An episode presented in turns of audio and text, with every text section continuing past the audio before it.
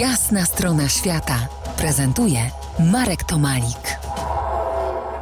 Dzień dobry, Felicjo. Dzień dobry, dzień dobry wszystkim. Moim gościem Felicja Bilska, autorka przewodnika po Indiach Północnych, Nepalu i Goa. Mieszkałaś y, w czterech krajach, masz za sobą długi romans z Azją. Już wiem, że oczkiem y, tej Azji jest maleńki Butan, państwo niezwykłe pod wieloma względami. Umieśćmy Butan na mapie Azji, proszę. Butan, jak słusznie zauważasz, to jest malutki kraj, tak plus minus 800-850 tysięcy mieszkańców. Himalaje wschodnie pomiędzy dwoma gigantami Chinami i Indiami. Zacznijmy od energii.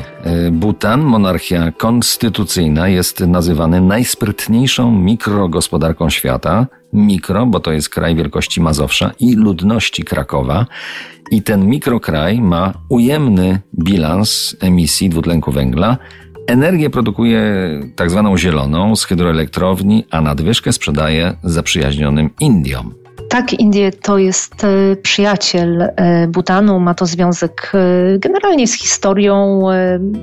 Trzeba zaznaczyć, że Butan nigdy nie był kolonią brytyjską i kiedy był pod protektoratem, także zawsze był bliżej Indii.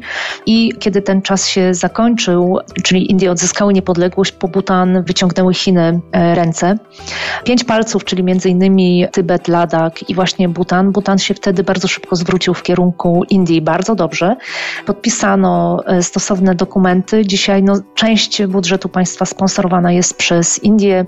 Indie też reprezentują Butan na arenie międzynarodowej, no ale to jest, e, umówmy się, to jest niepodległe państwo, królestwo, także stąd, e, stąd ta, powiedziałabym, przyjaźń.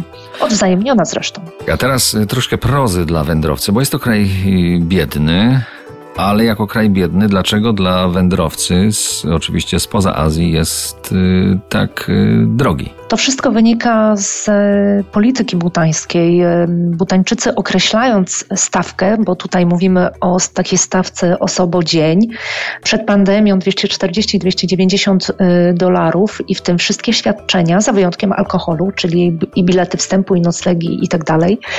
Turystyka zorganizowana, czyli samemu tam sobie nie pojedziemy. Musimy mieć agenta butańskiego, który nam w tym pomoże.